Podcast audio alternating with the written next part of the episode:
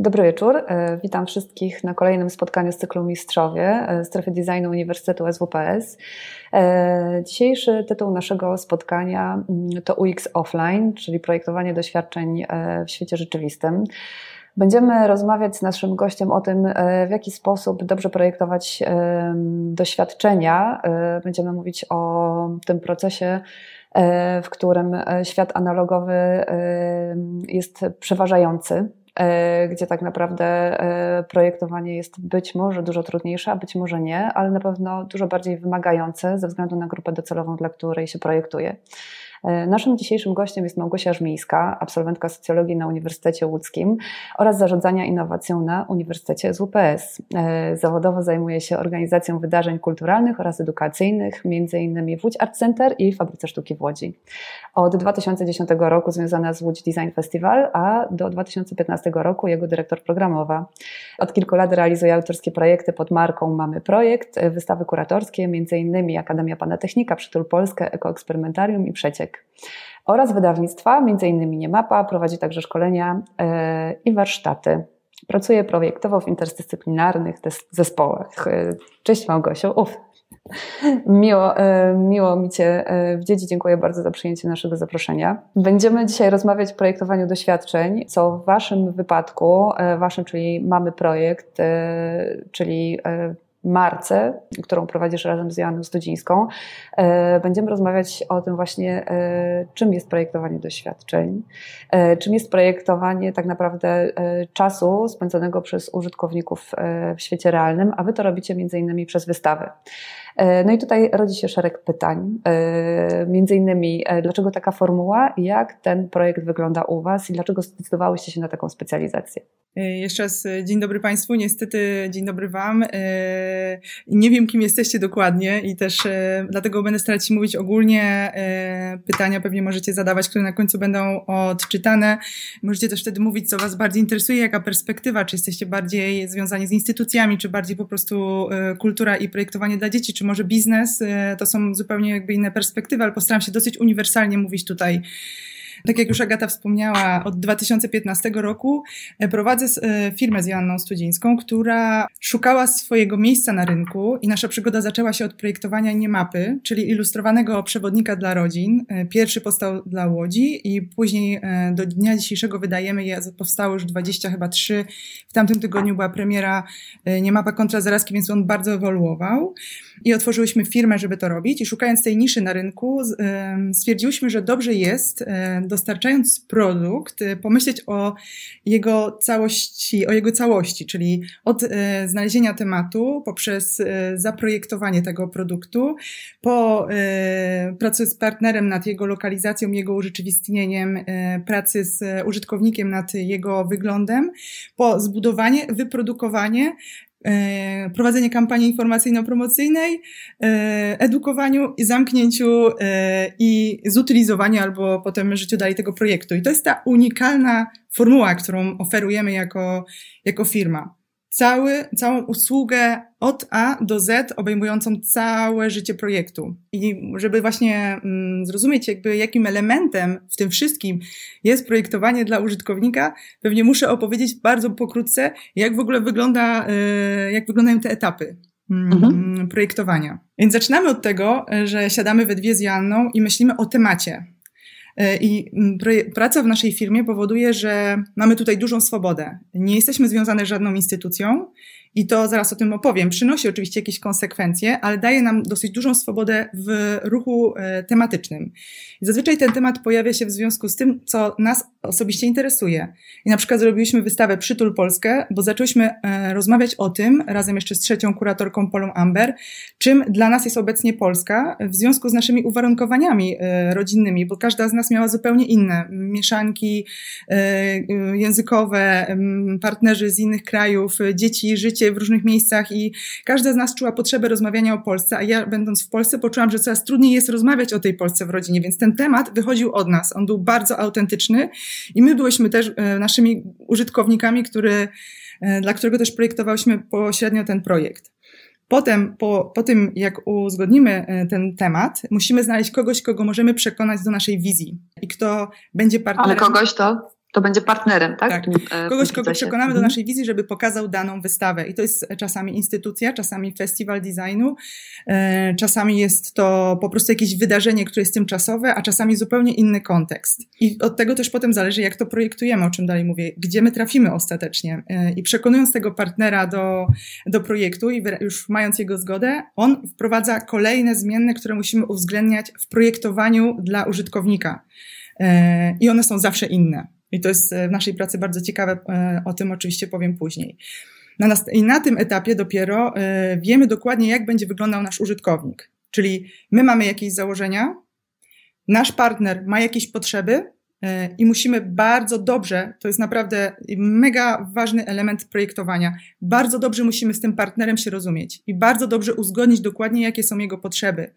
I tutaj na przykładzie Wish Design... Czy to jest, czy to jest dużo... E, bo ten etap, na tym, e, jakby ten e, projekt w ten sposób wyglądający na tym etapie, na tych etapach, na których mówisz, nie bardzo też różni się od projektu online. Gdzie tutaj znalazłabyś różnicę w kontekście projektowania w świecie rzeczywistym? Na czym polegałaby ta różnica, że wasz projekt, który wy same wymyślacie, znajdujecie partnerów i możliwości realizacyjne, gdzie tutaj jest różnica pomiędzy tym, co można zrobić online albo jak, jak wy to realizujecie w świecie rzeczywistym? Bo wszystkie projekty, o których mówisz i które realizuje Mamy Projekt, to są e, projekty, które są realizowane e, w świecie rzeczywistym. Poza nie mapą, którą można e, ściągnąć ze strony internetowej w formie PDF-a, reszta projektów to są projekty, które są w świecie rzeczywistym. Mhm.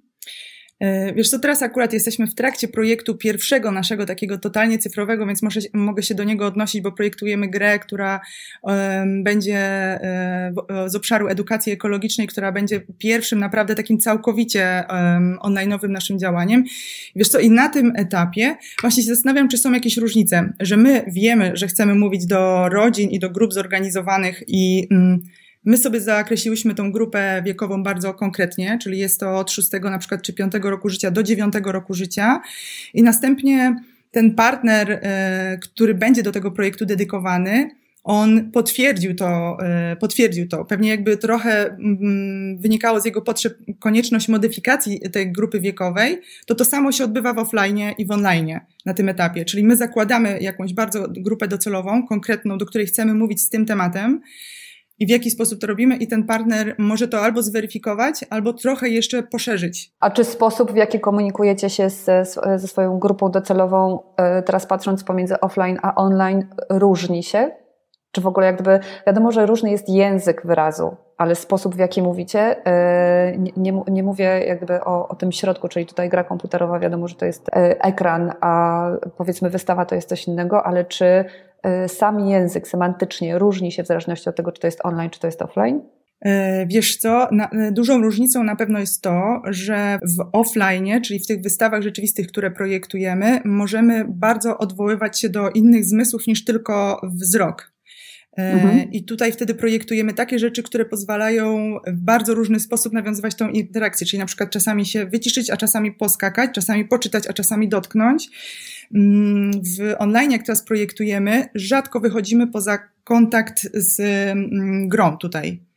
Zadania Jasne. post, które robimy, mogą opiewać na jakieś robienie eksperymentów w domu, natomiast ta interakcja, która tutaj jest, ona się odbywa tutaj, czyli ta ilość zmysłów y, jest inna. Ja y, wrócę teraz y, jeszcze do tego pytania, dlaczego zdecydowałyście się na taką specjalizację i taką bardzo wąską grupę docelową, czyli rodziny, rodziny z dziećmi, bo jest to wymagająca grupa docelowa, I skąd pomysł na to, żeby działać w takiej specjalizacji, w takiej grupie docelowej? E, tutaj, e, jak myślałam sobie, często jak mnie pytają się, dlaczego, jak się rozpoczęła moja przygoda z własną działalnością, to jest ta sweet historia pod tytułem, że zostałam mamą i teraz uwaga, łzawa, w ogóle mam dwójkę dzieci, to odmieniło moje życie, wasze też na pewno, ci co mają dzieci. No ale prawda jest taka, że mm, zaczęłyśmy projektując nie mapy na początku, bo to od tego zaczęła się to wydawnictwo, to to było naprawdę bardzo mm, surowe spojrzenie na ofertę, która była y, u nas dostępna. Czyli my jesteśmy z miasta Łodzi, zaczęłyśmy patrzeć na mm, miasto inaczej, mieć inne potrzeby dotyczące tego miasta, czyli teraz musimy ogarniać miasto razem z dziećmi i szukać zupełnie innych sposobów spędzania razem czasu i innych miejsc, a nie wiedziałyśmy do tej pory o nich, nie miałyśmy znajomych z dziećmi i musiałyśmy przecierać szlaki, więc zaczęłyśmy szukać materiałów, które powodują, że mm, zdobędziemy tą tajemną wiedzę. I nie znalazłyśmy takich materiałów. E, a jeszcze bardzo byliśmy przywiązane, dlatego że obie wywodziłyśmy się ze środowiska projektowego, do e, formy, do estetyki. Ta po prostu warstwa graficzna dla nas była żyletą i sposób e, tak ważna. I sposób pisania tekstów. Więc stwierdziliśmy, że chcemy wykroczyć mm, poza to, co widzimy na rynku i mm, poza ten klasyczny zestaw technik i, i rzeczy, które spotkałyśmy i stworzyć zupełnie coś nowego. E, I zaczęłyśmy właśnie ze studiem graficznym Ładne Halo myśleć o tym projekcie, bo zaprosiłyśmy ich, oni też są z Łodzi, kochają Łódź, więc to w ogóle zebrały się osoby, które bardzo też kochają miasto i byłyśmy zaangażowane emocjonalnie w ten projekt. I od tego to się zaczęło, że my po prostu nie znalazłyśmy oferty dla siebie, czyli my byliśmy tym użytkownikiem w potrzebie, który znalazł niszę dla siebie, a ją przykułyśmy w biznes, taki totalnie autentyczny, e, właśnie projektując całkowicie nowe techniki pracy z rodziną e, w wydawnictwie, a potem w wystawach. Wystawach, właśnie. I e, jakby pomysły na wydawnictwo, potem wystawy. Skąd, skąd, ta, skąd ten progres? Skąd przejście z de facto mogłoby się wydawać celnego, ale jednak prostego w realizacji e, pomysłu, jakim jest, e, jakim jest wydawnictwo, do wystaw, które są jednak dużo bardziej wymagające. To, to też był taki naturalny proces. Wydawałyśmy nie mapy i w końcu trafiłyśmy na miasto, które po prostu powiedziało, bo miast, e, nie mapy były wydawane najczęściej z urzędami miast, które powiedziało, słuchajcie, chcemy iść o krok dalej. Albo to nawet, nie wiem, czy nie była Gdynia Design Days, nie pamiętam teraz, gdzie była pierwsza niema, wystawa niemapowa, ale i, mm, to się potoczyło bardzo naturalnie. Ja miałam po prostu taki background, że naturalnie wyszliśmy w ten kontakt y, architekci, ilustratorzy i wiedzieli, po prostu intuicyjnie czułam, że to jest ten kierunek, który możemy zrobić, ale on oczywiście, tak jak powiedziałaś, dobrze to, bo Agata z nami pracowała, więc będę mogła się niejednokrotnie podpierać, nie? że to jest gigantyczny wysiłek w porównaniu z robieniem wydawnictwa. To jest po prostu kosmos. Tak, to prawda. No ale teraz już mamy, e, już wiemy dlaczego ta e, grupa docelowa, wiemy dlaczego wystawy, ale projektując czy wystawy, czy wydawnictwa, też musicie doznać, e, dobrze poznać potrzeby użytkowników i ich zachowania, bo wszystko to musicie wziąć pod uwagę w procesie projektowym, jak gdyby też odbić od swojego pomysłu na to, w jaki sposób coś zaprojektować i coś przygotować. I macie teraz tak, takie porównanie pomiędzy online i offline, swojego pomysłu, o, bo online możecie, ale offline też możecie prototypować, testować y, i weryfikować. Jak wy to robicie w przypadku waszych y, realizacji? I pytam tutaj głównie o te rzeczy, które robicie w świecie rzeczywistym. I teraz właśnie powinniśmy przejść do tego, jak te etapy projektu wyglądają, bo powiedziałam o tym, mhm. że mamy temat i mamy partnera. Mm, potem budujemy zespół. Nie wiem, czy dalej chcemy mówić więcej o zespole, czy tylko taką im napomknę. O zespole powiemy Dobra. później. Więc tam gdzieś budujemy mhm. zespół, to będzie trochę później. I jakby meritum tej całego, tej sprawy to jest właśnie ta ko-kreacja i weryfikacja. I proszę Państwa, kurtyna, y, no nie jest łatwo, dlatego że tak, mamy w ko-kreacji, y, jak pracujemy tak jak my, czyli mamy ten model y, taki, że może powiem o tej ko-kreacji, właśnie o tym meritum, że jakby w naszym projekcie to ta ko-kreacja idzie dwoma ścieżkami. Ko-kreujemy z partnerami, z instytucją, z którą jesteśmy zazwyczaj związani i z użytkownikami, którzy są grupowi albo są indywidualni. I więc ta kokreacja ma, ma bardzo wiele korzonek tak naprawdę, ale ma dwie główne gałęzie. I teraz praca y, w kokreacji z tymi podmiotami to jest ciągłe balansowanie pomiędzy ich potrzebami. I jeszcze na dokładkę na to narzucasz budżet, więc ta czapa jest bardzo z, z, z, rozbudowana, a złotą radę, jaką mogę dać w ogóle zaczynając o mówienie, mówienie o kokreacji jest taka, że czym większe masz doświadczenie, tym lepiej wyłapiesz wszystkie zmienne, jakie mogą wpływać na ostateczną ścieżkę użytkownika, bo to jest meritum. Ale to musisz mieć, musisz mieć doświadczenie, nie? To jest jak gdyby ilość, ilość realizowanych projektów, tak naprawdę ilość partnerów, y, z którymi musisz sobie poradzić i rozmawiać, tego nie, nie zdobędziesz z dnia na dzień, nie? W ogóle nie ma innej złotej rady niż ta, że po prostu musisz przez to przejść i y, sam się po prostu y, stok, po stokroć. My zrobiliśmy do, w tym momencie mamy na koncie, nie wiem, 17 chyba wystaw, pracę z 63 partnerami, 27 nie map i nadal, nadal wiele rzeczy jest dla nas nie, nie, nie, nie, nie jest jasne i nie do końca możemy przewidzieć, więc w tej kokreacji starasz się jak możesz, o czym zaraz powiem, jak możesz to robić, żeby użytkownik i partner był jak najbardziej wzięty pod uwagę, ale tak naprawdę ta cała galaktyka punktów, które po prostu są zmienne przy projektowaniu ostatecznie i, i tej, tej, tej relacji użytkownika swoją wystawą jest po prostu y, no, nieograniczona. Jasne. Tutaj myślę, że jest zasadnicza różnica pomiędzy e, online i offline e, w, e, w, budowaniu tak złożonych projektów, bo jakby online ma dużo łatwiejszą formułę weryfikacji i wprowadzania zmian.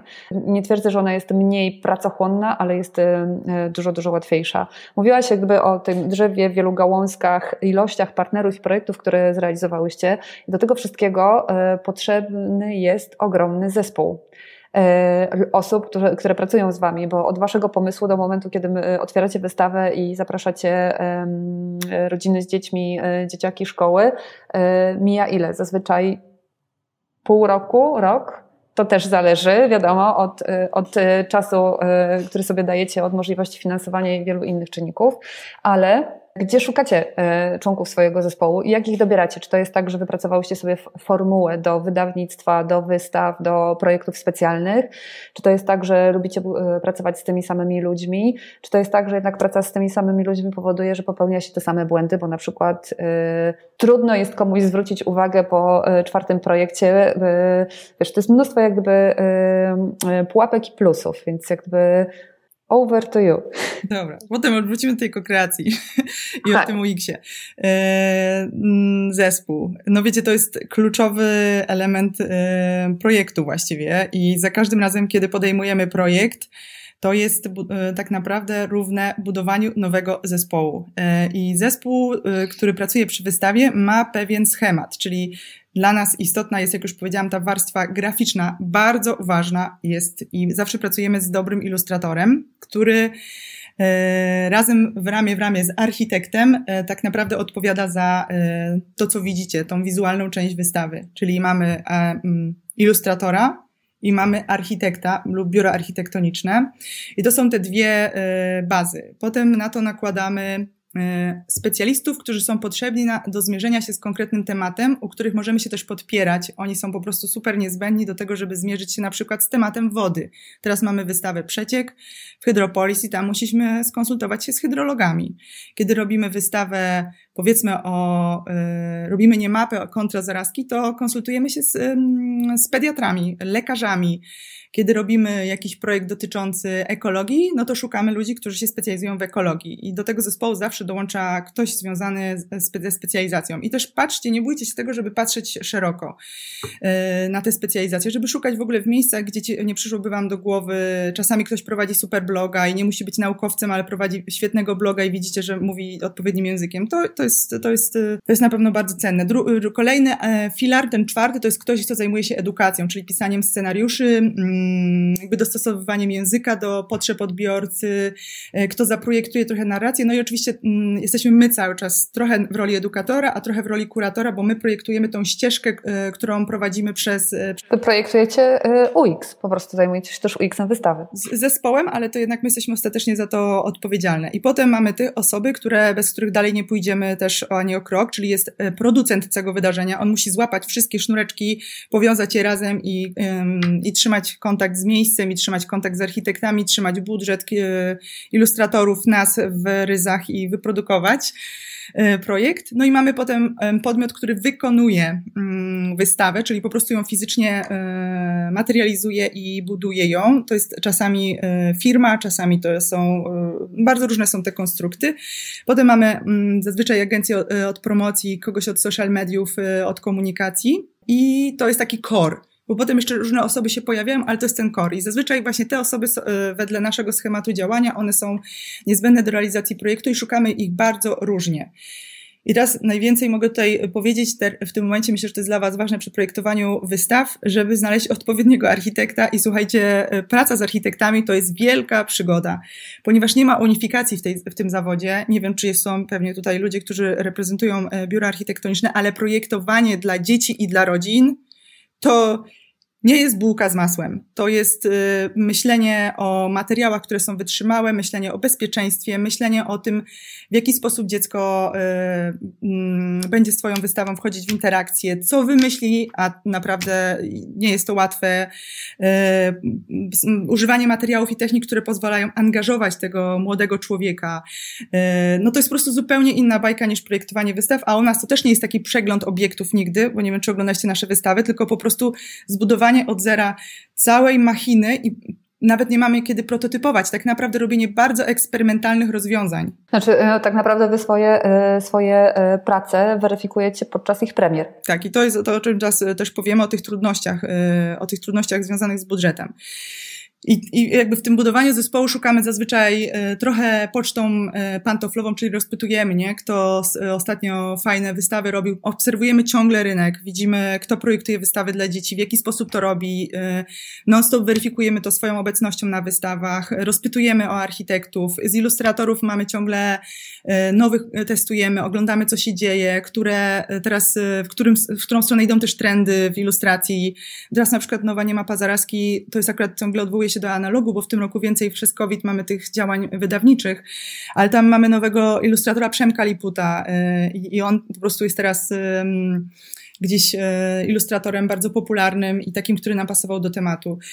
Y, producenta rozpytujemy, kto jest dobry, obserwujemy, kto działa w danym obszarze, bo to jest naprawdę bardzo wysoka komplikacja wystaw, więc rozpytujemy i obserwujemy rynek. I wiecie, jaki jest w tak zbudowanym zespole, który zawsze działa do projektu, a potem rozchodzi się i zazwyczaj jest nowy, jest jedno duże zagrożenie. Wy się nie znacie i nie wiecie, co oznacza, jak ktoś mówi, że coś mówi, i nie wiecie, w jaki sposób pracuje, mhm. mm, pracuje kto. Jak dostajecie nowego architekta, to nie wiecie, czy jak mu powiecie, że słuchaj, stary, masz 40 tysięcy na zrobienie wystawy, kumasz? On mówi, kumam. No i ty wiesz. I ja kuma. A potem dostajesz projekt i wycenę projektu i to są dwie styczne e, niestyczne. Słuchaj, projektujemy wystawę przenośną i projektujemy wystawę dla dzieci, no nie? Więc rozumiecie, zanim się tak. rozpoznacie i, e, i to jest też tak, że my mamy ogromne doświadczenie, bardzo unikalne, duże doświadczenie w projektowaniu wystaw dla rodzin. E, I my zazwyczaj możemy bardzo dużo powiedzieć tej drugiej stronie, e, bo po prostu 17 razy już to budowałyśmy z bardzo różnej konfiguracji e, i to jest to. No. A jak sobie radzicie z takimi trudnościami, że, że musicie do każdego projektu de facto zbudować nowy zespół? To po pierwsze. A po drugie, że wy wiecie, więcej, że wy wiecie więcej, kto jest liderem tego projektu ostatecznie, bo jakby z jednej strony zbudowanie zespołu to jest e, jakby chęć delegacji wielu zadań e, gdzieś, no ale bez lidera projektu ten projekt daleko nie pojedzie. A z drugiej strony jakby bycie wieloma rolami naraz, czyli kuratorem, osobą, która odpowiada za UX, która kontroluje różne sytuacje, też powoduje, że ta rola się rozmywa albo naturalnie jest rolą lidera projektu. Więc jak wy sobie radzicie z takimi trudnościami? No tak, raz, że mamy, mogę Wam tutaj powiedzieć o naszych e, tipach, e, jakby jak pracować z zespołem, żeby jak najlepiej pracować e, z zespołem. I pierwszy to jest taki, że jak pracujemy, to teraz naprawdę wiem, że zawsze muszę sobie określić, załóżmy cztery punkty, z których nie jestem w stanie zrezygnować. No nie jestem w stanie zrezygnować, one zawsze muszą mi przyświecać i kurczę, jak jesteśmy w połowie projektu albo pod koniec, to ja muszę do nich wrócić. I załóżmy, że Teraz przykładowo myślę sobie o moich e, tipach. Wystawa ma być e, składalna i przenoszona, tak żeby mogła być wielokrotnie e, pokazana. Nie jestem w stanie tego zrezygnować. Wystawa ma być dedykowana dzieciom, czyli ma być z wytrzymałych materiałów i ma być interaktywna.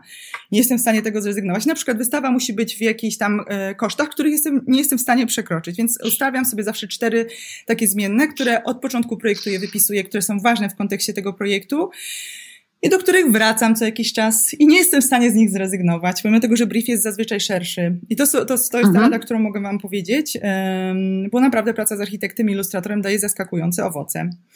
E, druga rada, którą mam, to pomimo tego, że zespoły u nas są nowe i się nie znamy, to yy, przyznajemy taką wartość, yy, że jesteśmy bardzo otwarte i bardzo się dzielimy. U nas właściwie każdy ma wgląd w jakieś tam elementy budżetu, e, w faktury, e, w proces. E, w ogóle otwarty jest cały czas rozbebeszony koncept kuratorski, w sensie takim, że po prostu pokazujemy go i jesteśmy otwarty na krytykę. I nie jest tak, że jest zamknięty. Jeżeli wy macie coś do dodania i macie jakieś rozwiązania, śmiało, po prostu jesteśmy... Nie przeszkadza Wam to w realizacji projektu, taka otwartość, bo wiesz, na, na, na pewnym etapie projektu projekt trzeba zamknąć, żeby w ogóle go zrealizować. No wiesz, są zawsze tego granice, ale jednak ta otwartość, Jasne. bo jest ten mhm. moment, kiedy mówimy, teraz pracujemy nad koncepcją, zobaczcie, to jest nasza koncepcja, ale nie czujcie, że to jest nasza narzucona koncepcja, my tu jesteśmy zespołem, słuchajcie, jak uważacie, że coś jest słabe, pogadajmy o tym. Macie jakiś swój pomysł, pogadajmy o tym, nie? Chcecie coś tam wiedzieć, jak pracujemy tutaj i staramy się być bardzo otwarte. Ta otwartość y, to jest, y, nie, nie, uważam, że bycie zamkniętym nie przynosi wam nic dobrego na długą metę, po prostu nie. Y, I brak zaufania, po prostu nie. No, trzecia rada, jaką mam w pracy w zespole, że jak właśnie tą kokreację masz, to musisz, tak samo jak z kokreacją z użytkownikiem, to musisz wiedzieć, że to może boleć. Znaczy, w sensie nie traktować tego właśnie jako ból, tylko jako złoto. Hmm, czyli, że to, są, że to są lekcje, które kosztują jednym słowem po prostu ma, pokazujesz swoją koncepcję jakby y, artystyczną, czy jakąś tam kuratorską, jaką się chcesz zwać, no i ktoś ci ją depcze trochę, no nie nastawia się na to negatywnie, bądź... Y, bo... Ale to buduje, nie? To buduje po prostu. To no, właśnie traktujemy to właśnie jako budowanie.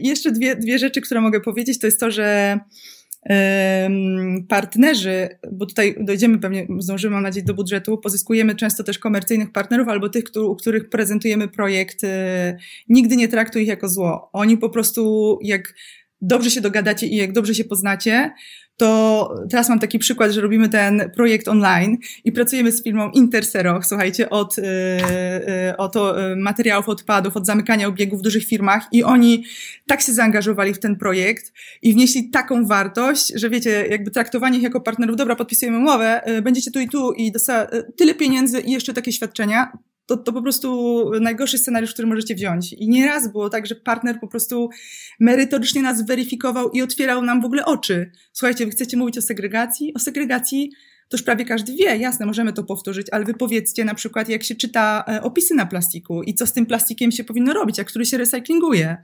I że czarnego plastiku nie czyta, yy, nie czyta maszyna, która sczytuje, więc unikajcie czarnego albo styropianu. Nauczcie ich takich rzeczy już o krok dalej, nie? A my tu sobie siedzimy na recyklingu, nie? I segregacji, kurde. No. no i praca zdalna i dużo rozmów, to jeszcze ostatnia rada. Że to jest, e, znaczy to w covid jest teraz nieuniknione tak naprawdę, nie? E, e, praca, praca zdalna, ale też w większości wasze zespoły są zespołami, które pracują, to jest ciekawe, pracują online nad rzeczami offline. I tak naprawdę to jest weryfikowane, no tak jak mówiłam wcześniej, podczas po prostu premier tych, tych wydarzeń.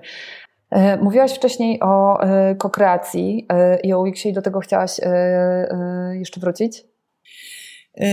I teraz jak mówiłam właśnie, że to są te główne dwie gałęzie, mm, czyli z jednej strony musisz uwzględnić potrzeby twojego użytkownika zdefiniowanego wspólnie z partnerem, czyli tych rodzin, i tutaj, jak projektujemy, to projektujemy zazwyczaj jednak dla dwóch użytkowników, takich głównych, poza tymi, którzy są jeszcze poboczni. I to są grupy zorganizowane, szkolne, i indywidualni zwiedzający. I wyobraźcie sobie, pewnie wiecie, że to są dwie zupełnie różne bajki. E, jakby zapraszać klasę na Twoją wystawę i zapraszać indywidualnych. I tak musimy zaprojektować tą wystawę, żeby ona spełniała wymogi e, obu grup. I teraz możemy mówić o tym, jak badamy te grupy i jakie rozwiązania, e, powiedzmy, mamy wypracowane, które się sprawdzają. Dobra? Y, więc jak badamy? Mm, rozdzielamy tych y, nauczycieli, czy tam grupy szkolne od y, rodziców. I teraz, jeżeli chodzi o nauczycieli, to przykładowo przy Ekoeksperymentarium na Łódź Design Festival zrobiłyśmy bardzo pogłębione badania, które polegały na tym, że najpierw zrobiłyśmy wywiady z, z nauczycielami, w jaki sposób oni w ogóle zwiedzają, jakie są dla nich trudności i mm, to była mm, ankieta ze standaryzowaną liczbą pytań albo wywiad ze standaryzowaną listą pytań. E, I później, e, jak oni byli na wystawie, to ich obserwowali nasi obserwatorzy i mieli po prostu e, opracowane razem z nami ankietę. I z tą ankietą po prostu patrzyli, co działa, co nie działa, jak się grupa zachowuje, e, jaką ma interakcję. E, jakby to, to wszystko było weryfikowane w ramach ankiety. I potem post nauczyciele dostawali ankietę trzy dni po obecności, dość tygodnia po obecności na wystawie, która weryfikowała e, ich, znaczy zbieraliśmy od nich opinie. I ten to był jeden sposób, który robiliśmy. Dużo dostaliśmy bardzo wtedy kontentu, tylko to jest wymagające i oczywiście pieniądzochłonne. Bo to musisz mhm. zrobić przynajmniej, e, zrobiliśmy tam chyba 130 ankiet, e, potem tych takich na miejscu, e, przebadaliśmy później chyba około 60 nauczycieli, więc to po prostu wymaga czasu, żeby to potem też przeanalizować e, i na to się musicie po prostu, e, to musicie wiedzieć. To, co robimy bardzo często, co jest szybkie, to jest po prostu pytanie, pytanie naszej grupy odbiorców i to głównie te szkoły, jednak jeden, dwa, trzy klasy reprezentują nauczyciele, czyli nie pytamy się tych, małych, mhm, nie pytamy się tych małych dzieci bezpośrednio o to, jak budować wystawę. Ewentualnie im zadajemy różne pytania, jak oni mówią na przykład o wodzie, ale w jaki sposób mówią o ekologii i co o tym myślą. Nie pytamy się o to, czy jakieś rozwiązanie jest dla nich dobre. I z nauczycielami, jak roz, y, toczymy rozmowy, czyli na przykład szybko weryfikujemy. Mamy pod ręką, nie wiem, 15 zaznajomionych yy, i mówimy, słuchajcie, takie rozwiązanie, co o tym myślisz? Bardzo szybko weryfikujemy.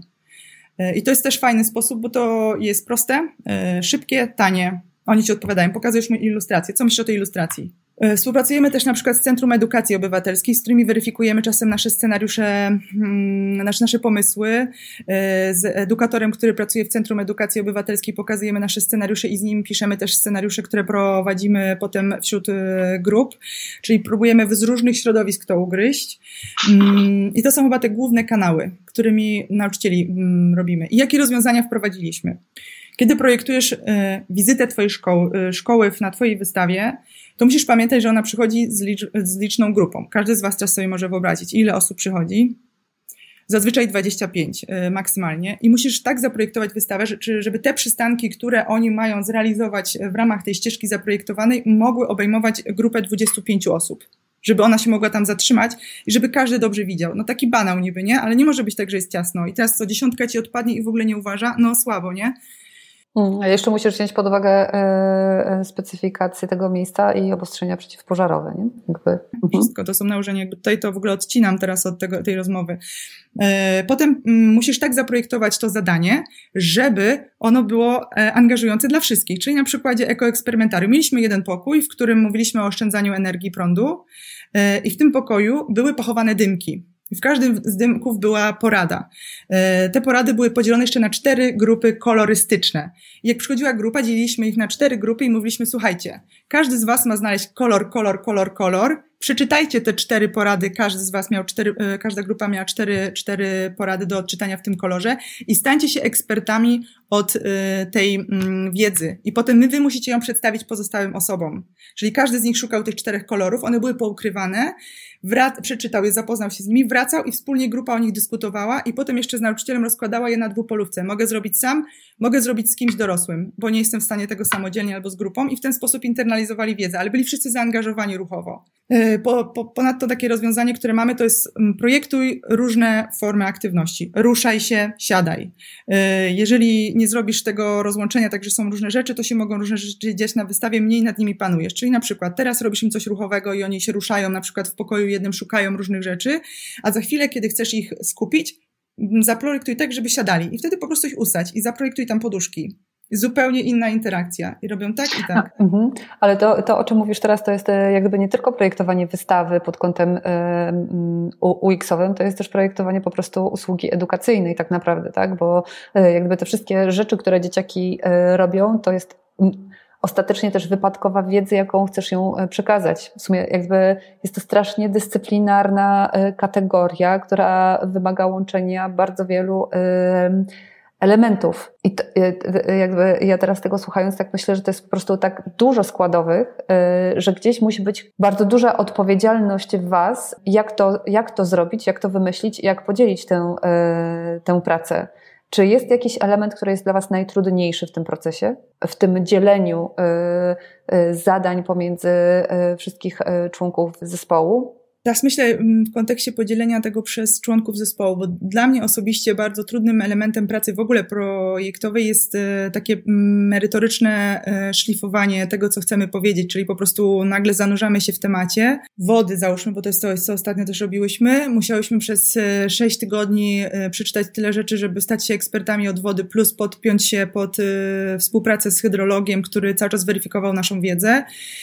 Mm, I trudne było to, żeby od tego głowy, która była naładowana wiedzą o wodzie y, naukową, y, potoczną, y, z różnych źródeł czerpałyśmy wiedzę, mm, potem to przełożyć na na raz na język zrozumiały dla użytkownika, bo też badałyśmy w jaki sposób użytkownik mówi o tej wodzie i w jaki sposób myśli, jakie słowa są dla niego zrozumiałe, retencja jest, jest już ogólnie zrozumiała, czy nie jest zrozumiała, ślad wodny jest zrozumiały, nie jest zrozumiały, jak to wyjaśnić, co trzeba, co nie, to kolejnym nałożeniem na to, to nawet nie jest podział obowiązków, tylko po prostu później musisz w zespole, jak już przejdziesz do tego, że to wyabstrahujesz, wy, po prostu zrobisz z tego taką esencję merytoryczną, to jest bardzo wysiłkowe, to musisz to przełożyć na rozwiązania z architektem. I tutaj mhm. zawsze jest ilustratorem. Jakby te trzy elementy się potem muszą złożyć.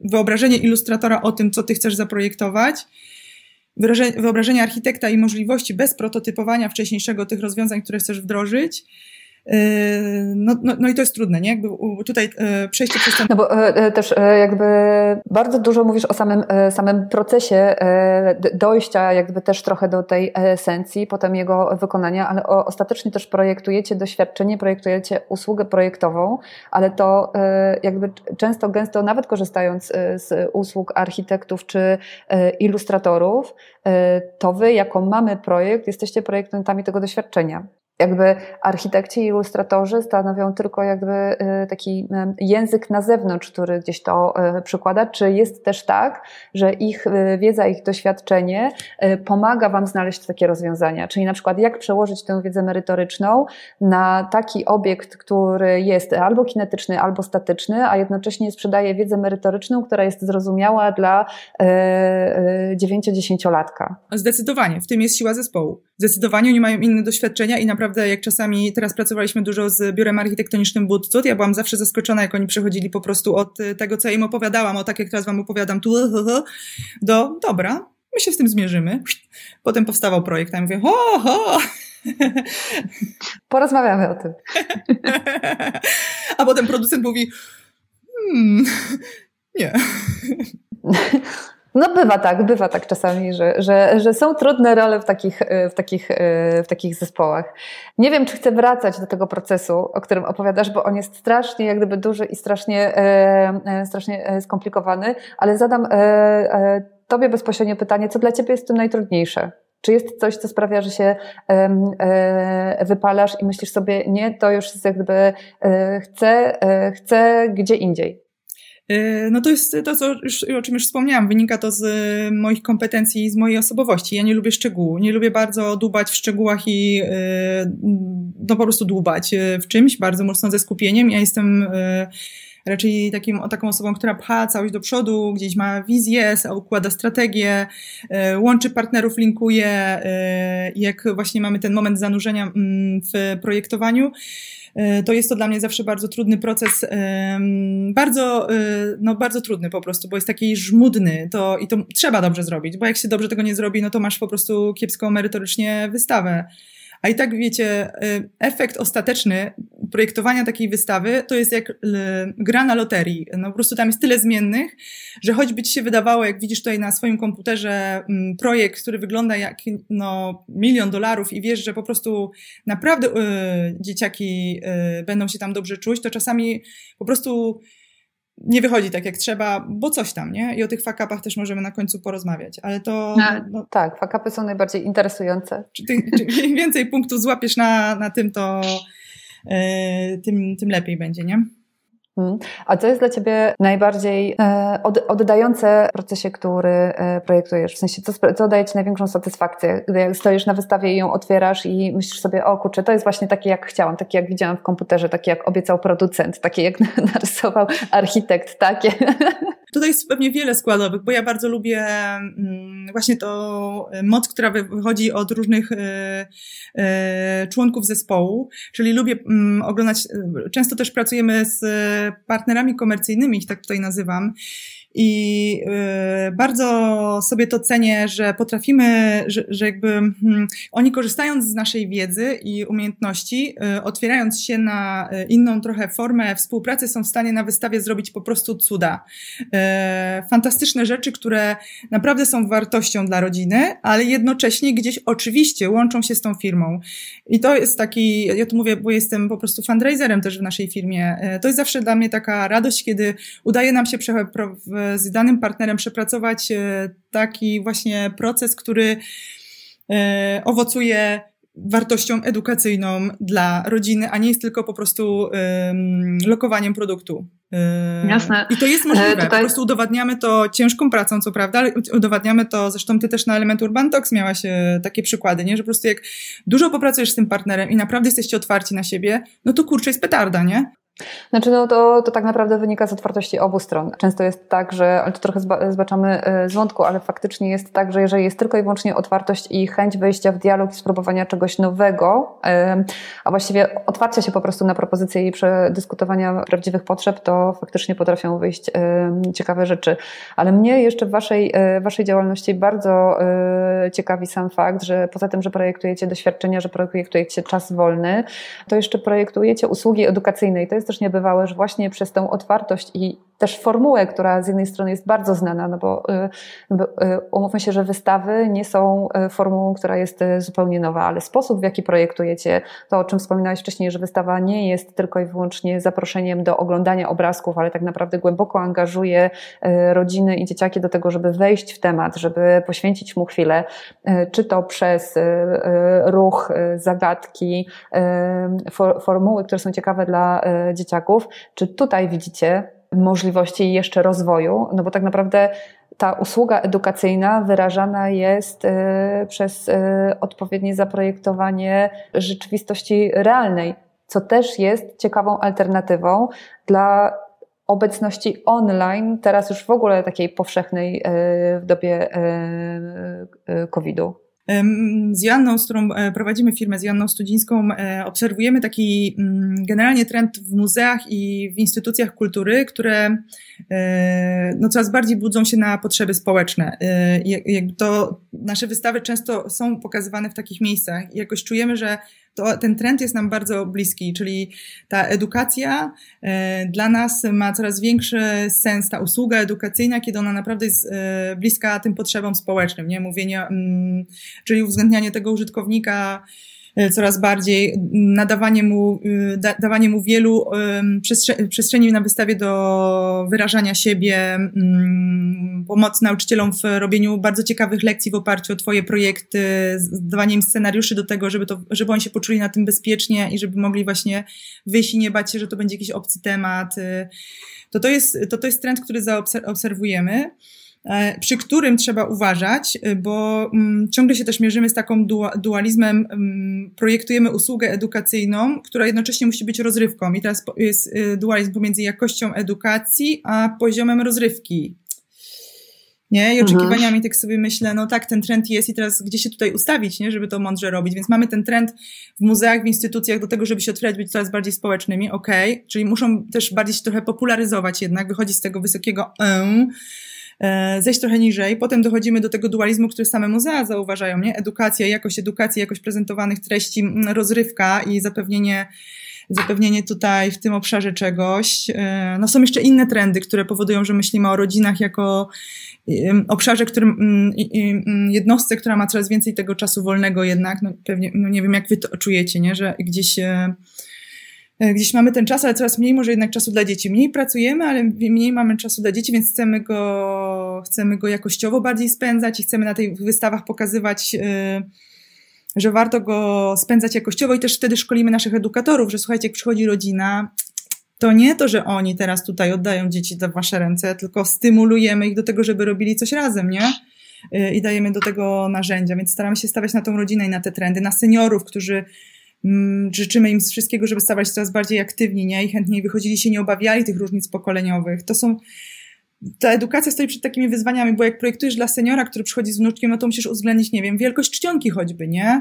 Mm, tak, i łatwość dostępu też do niektórych rzeczy, yy, która jest różna dla różnego, dla różnego pokolenia. A yy, czy myślisz, że w takich aspektach łatwiej jest projektować offline? W sensie, czy ta, te, te projektowania doświadczeń e, w rzeczywistości są łatwiejsze w tym kontekście e, do zaprojektowania, czy to jest Czy to jest jednak e, większa trudność? Łatwiejsze na pewno jest to, o czym to jeszcze nie zdążyliśmy dobrze powiedzieć, o prototypowaniu, że wiecie, robi, robimy wystawę i jest jakiś tam, e, jest czapa budżetowa zawsze. No nie przeskoczysz pewnych rzeczy w realiach Polski. Zawsze e, my też tutaj jesteśmy o tyle zwinni, że gdzieś spróbujemy, łączymy te budżety i potrafimy je rozbudowywać, ale one i tak jakby czas, budżet nie pozwala na prototypowanie i potem łatwe zmienianie, nie? Jak zbudujesz wystawę, która jest ogromnym wysiłkiem i tak naprawdę jej efekt, tak jak remontujesz swój dom, nie? Remontujecie dom, dostajecie projekt od architekta, a sami sobie coś wymyślacie, efekt ostateczny czasami jest zadowalający, czasami mniej zadowalający. To jest to samo tutaj, nie? No, ale czasami też efekt jest widoczny dopiero po iluś miesiącach użytkowania, nie?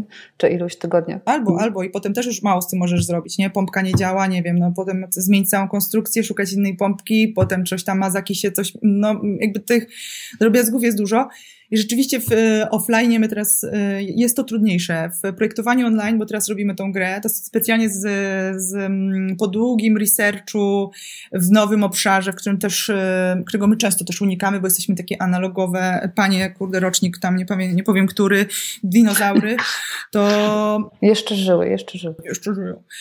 To wiecie, to, to nie chciałyśmy takiego zespołu inżynierów, który nam teraz zakoduje jakąś platformę i ta platforma, to żeby tam zmienić, wiecie, literkę O, to ja muszę zadzwonić, on to koduje i zmienia i w ogóle stawiłyśmy na Genially. To jest w ogóle taka platforma hiszpańska, która w Polsce cieszy się coraz większą popularnością. Absolutnie narzędzie dla nauczycieli, które służy im do projektowania lekcji, takich właściwie jak prezentacji. My zrobiliśmy, schakowałyśmy, porobiłyśmy tam różne rzeczy i na tej podstawie mamy, e, słuchajcie, grę, którą w każdej chwili możemy zmienić. Czyli robimy testy wśród szkół, niezrozumiałe polecenie, nie ma problemu. W ciągu pięciu minut zmieniamy polecenie. Hmm taka ilustracja nie bardzo coś, nie, nie, niedobry dźwięk, no to zmieniamy to. I tutaj rzeczywiście w tym online, y, mając doświadczenia z wystaw, zrobiliśmy coś bardzo, bardzo zwinnego i mamy nadzieję, że to będzie pierwszy test za 4, gdzieś 5 tygodni, y, tą grę będziemy wypuszczać no, że, że właśnie to będzie jej mocna strona. To e, jakby e, tutaj ta odpowiedź nasuwa się sama, co jest łatwiejsze, czy projektowanie offline, czy projektowanie online. E, ja bym poprosiła Cię o trochę informacji na temat rzeczy, które poszły nie tak, jakbyś To są błędy, na których najlepiej się uczyć, prawda? Mówiłaś o tym, że zrobiłyście 17 wystaw, że mimo, mimo wielu nowych zespołów wciąż wciąż się uczycie wielu rzeczy nowych, a najfajniej się uczyć na tym, co poszło nie tak. I myślę, że dobrze jest zobaczyć to z perspektywy czasu, bo można się do tego teraz uśmiechnąć. Dobra, ja teraz słuchajcie, udostępnię ekran. Na chwilę nie będzie to wyglądało profesjonalnie, bo zobaczycie mój e, pulpit. Uwaga, wcale nie i ciach. Bo pokażę Wam na zdjęciach. Jakby nasze, e, to jest tak, że e, nasze fakapy, E, też takie czasami trudne do przewidzenia. Miałyśmy wystawę Przytul Polskę e, z ilustracjami Patrycji Biel-Stodulskiej zaprojektowanej przez e, Brokat. Naprawdę bardzo. Na początku przez jeszcze zespół taki projektowy Magdę Michalczyk, Asię Górę-Raurowicz i Kasię Similak, a potem przez Brokat, żeby tutaj wszystkim oddać hołd, bo naprawdę wspaniały projekt z Polą Amber robiony. I teraz tak, to jest, widzicie teraz zdjęcie zrobione w e, Hewelianum e, w Gdańsku, e, w przestrzeni nowo otwartej, gdzie jak widzicie jest dużo bieli, dużo drewna, przepraszam, w tą stronę muszę iść. I tutaj ten projekt po prostu no, prezentował się znakomicie, a następnie pojechał się z nim do Warszawy, do centrum Praga, gdzie... Centrum Praskiego Koneser. Tak, Centrum Praskiego Koneser, dziękuję Gato, gdzie dostałyśmy surową przestrzeń i zobaczcie jaka jest różnica. I właściwie my z punktu, to, to był straszny faka, ponieważ to była Warszawa i bardzo ważna dla nas odsłona wystawy.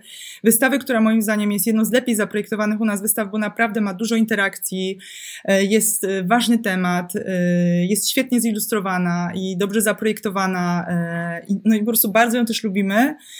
Mm, osobiście, prezentowana też na Łódź Design Festival yy, i ona, zobaczcie jak inaczej wygląda, nie? I, I kurczę, no ja na to nie mam wpływu. Jakby tutaj yy, była porażka. Yy, dzieciaki oczywiście przychodziły, zapisy się natychmiast rozeszły i były te klasy, przychodziły, a jeszcze słuchajcie, była awaria z grzaniem. To była jesień, przełom jesieni zimy i mieliśmy 15 stopni, ponieważ centrum miało jakieś problemy z grzaniem. I mieliśmy 15 stopni przez dwa dni. I to są rzeczy, które po prostu wiecie, ja tu projektuję, stoję na głowie, a tutaj jest 15 stopni, albo taka nędza, nie? E, w sensie, no po prostu taki, ta, taka, taka przestrzeń. No i co z tym zrobisz? No jakby, no, no nic. I takie, mm, to jest jeden z, z rozwiązań, które nam podsunęli użytkownicy. Mieliśmy tam taką przestrzeń e, kuchnia polska z talerzykami, gdzie każdy rysował swoją potrawę i po prostu ludzie super sobie, super to robili. Po prostu powstawały takie prace, że stwierdziliśmy, zrobimy galerię, jedną brzydką ścianę zaokleiłyśmy po prostu takimi placami. No, mega wyszło ten jeden kawałek ściany, nie? E, potem na przykład projektujemy sobie wystawę w, Gdyni, e, w Gdańsku, tak, na bazie mapy. E, stwierdziliśmy, że tam będą dzieciaki łowić ryby. Wszystko pięknie. Architekci Grupa projektowa Gdyby zrobiła też kawał dobrej roboty i znaleźli jakąś tam, wiecie, no znowu prototypowanie wędki magnesa. Pewnie jak macie dzieci, to przechodziliście, że to się kupuje, nie wiem, w Tigerze, czy są takie wędki. Zrobiliśmy, to nie działało. Ta wędka, którą mieliśmy z tym magnesem, nie działała. E, tutaj zaprojektowaliśmy most i dzieci miały e, pod tym mostem przesuwać łódki. Żadne dziecko nie przesuwało łódek, bo wszystkie przesuwały siebie. E, tutaj zaprojektowaliśmy Hydropolis na wystawie, którą teraz mamy, świetną selfie ściankę, ale nie wyszła świetna. Nikt nie robi na niej zdjęć. Nie przewidzieliśmy po prostu, nie zeskalowaliśmy, nie wyszło po prostu. Za ciężkie patyki nie były wcześniej prototypowane, nikt nie chce brać ich do ręki, jeszcze nastał COVID. No nie, Tutaj architekt, e, nie, to chyba ilustrator, zaprojektował 5 e, mm fragment tramwaju. Popatrzyła na to Joanna, która jest po prostu mistrzem wyłapywania fuck-upów w, w projekcie. Polecam, jakbyście chcieli naprawdę zawsze do niej zadzwonić, pokazać jej projekt. Mówi, słuchaj, naprawdę 5 mm zaprojektowali tutaj? Aha, no więc pierwszego dnia się złamała. To są tego typu rzeczy. E, tutaj jakby o fuck-upach skończę udostępnianie, bo wam resztę opowiem, nie ma więcej zdjęć. Y, no to jeszcze wam powiem o takich dwóch, trzech takich, które sobie tutaj spisałam, żeby wiedzieć o czym można powiedzieć. Nigdy nam się nie udało zrobić wystawy przenośnej i kompaktowej, chociaż zawsze prosiłyśmy architektów, żeby zrobili nam wystawę przenośną i kompaktową. Jeszcze ostatnio nawet zrobiliśmy się takie wstrętne dwie panie, starsze ja i Joanna, że zaczęliśmy prosić o samochód do 3,5 tony, żeby mógł prowadzić to kierowca z kategorii B. No więc nie. No więc nie, nie da się. Nie wiemy dlaczego, ale jeszcze nie zbadałyśmy tego. Żadna z naszych wystaw, pomimo tego, że w briefie była, że ma być super turbo przenośna, wytrzymała, taka nie była. E, no to jest taki, no i tak naprawdę to e, o, o pieniądzach właściwie Wiecie, zawsze można mówić, że są problemem, ale są tutaj problemem, zwłaszcza w prototypowaniu i w tym, że bardzo późno te e, budżety często znamy. No to, no to... No to właśnie e, ta informacja nawiązuje do, e, do pytania naszego widza. To jest napisane, ktoś pyta, jak pozyskujecie partnerów i budżety na realizację projektów i czy macie jakieś rady dla początkujących? E, jestem fundraiserem w naszej firmie. To jest e, taka robota. E, przede wszystkim, jak ustawiam strategię naszej firmy na kolejne lata, to staram się, żeby budować ją na kilku nogach, nie na jednej, czyli jak, czyli wielość kierunków Wam polecam. Ja rocznie rozmawiam z 320 partnerami, z których 20% potem z nami współpracuje, więc też musicie sobie wyobrazić skalę jakby tego, tego, co trzeba zrobić. Oczywiście przy iluś tam projektach, które robimy, bo tam przy jednym no to jest około y, pewnie 40-20 y, partnerów, których, y, z którymi po prostu rozmawiamy, którzy są zapraszani do projektu. I teraz tak, jak budujemy jakąś wystawę, no to mm, tak jak jest teraz wystawa o wodzie, to przez temat, przez pryzmat tematu patrzymy na to, gdzie można ją dalej pokazać. I woda, wiecie, jedyne centrum wiedzy o wodzie to jest Hydropolis, ale ten wystawa przeciek, która teraz do końca października jest w Hydropolis, daje nam w ogóle całkowicie nowe pole do działania, bo współpracę z wodociągami, więc też myślcie nietypowo. Ale co za tym idzie, to też od razu musisz wiedzieć, jak, e, jak masz doświadczenie na rynku, wodociągi nie mają swojej lokalizacji. Więc od razu y, mogą mieć pieniądze, bo to są y, zazwyczaj y, oni tego zazwyczaj nie robią, mają inne działania edukacyjne, ale właśnie ta wystawa nam otwiera nowy klucz do, do pracy z partnerami. Natomiast przynosi ze sobą taką, takie wyzwanie, że trzeba zawsze znaleźć miejsce. Więc myślimy zawsze kluczem wystawy. Jeżeli na przykład marzy mi się zrobienie wystawy y, nie mapy o zarazkach, y, którą oczywiście jest natchniona trochę przez COVID, to myśleliśmy, kto może być zainteresowany takim projektem i pomyślałyśmy, że po prostu prezydenci miast teraz się mierzą z tym tematem, żeby w szkołach żeby po prostu przynieść do szkół jak najkorzystniejsze materiały pokazujące, jak się radzić z, tym, z, tą, z, tym, z tą higieną. E, no i odezwał się Wrocławskie Centrum Rozwoju Społecznego odpowiedziało i prezydent Wrocławia i tam była premiera Nie Mapy. Więc myślimy trochę takim kluczem dobieramy ich, nie? Chcemy mówić o jedzeniu, na przykład o jakichś tam planach naszych, to myślimy, kogo można do tego zaangażować. No ale oprócz tego zawsze poza tą instytucją, która gdzieś tam finansuje, myślimy zawsze o tych partnerach komercyjnych, którzy się dołączają do projektu i jakby wzbogacają budżet, bo naprawdę instytucje mają pewną czapę budżetową, a teraz będzie trudniejszy rok. Rok, dwa, trzy będą trudniejsze, bo samorządy mają e, inne priorytety. No to jest właśnie zawsze problem, że e, w takich projektach też trzeba e, szukać e, partnerów komercyjnych i partnerów z administracji publicznej, a COVID jednocześnie po prostu kiedyś ten balans był taki, że jeżeli nie, nie, nie administracja publiczna, to pewnie partnerzy komercyjni, a w związku z COVID-em pojawiła się taka trudność, że tu i tu może nie być do końca zachęcająco. Mam taką informację, że Asia działa dzielnie na czacie i odpowiada na wszystkie pozostałe pytania, więc my nie mamy o czym rozmawiać, bo Joanna po prostu zamiata tam e, elegancko na, e, na czacie. Także Asia, dziękujemy Ci ślicznie za e, Nasza siła za, zespołu, za muszę powiedzieć, bo to jest Dokładnie. klucz mamowy. Muszę Wam powiedzieć też o tym, jak liderzy, czy jak zespół się tutaj buduje. Mamy dwie mamy na pokładzie, które absolutnie po prostu są jak żywa symbioza. Jesteśmy, mamy zupełnie inne kompetencje i po prostu totalnie się uzupełniamy, nie? Właśnie tutaj Joanna już działa na czacie i mnie wspiera, dzięki Joanna. Tak, tak. Mogę też powiedzieć ze swojego doświadczenia, ze współpracy z Wami, że była to jedna z, e, z fajniejszych przygód zawodowych e, i z bardziej profesjonalnie przeprowadzonych feedbacków, jakie uzyskałam w życiu, które zawsze były e, szczero dosadne i jakby prowadziły do konkretnych rozwiązań. To jest też niebywałe, że praca w zespole pozwala tak bardzo dobrze łączyć kompetencje i to, co mówiłaś o symbiozie.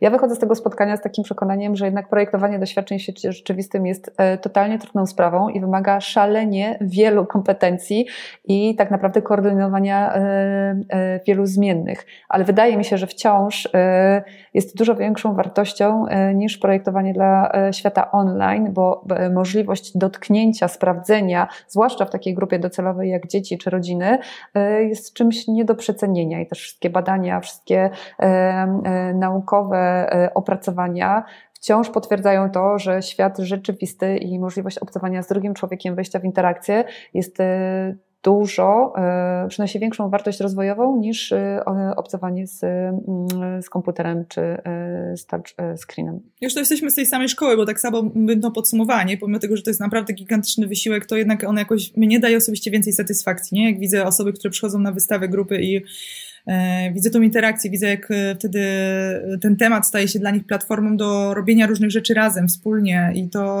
jest no, mm, bardzo e, miłe i satysfakcjonujące.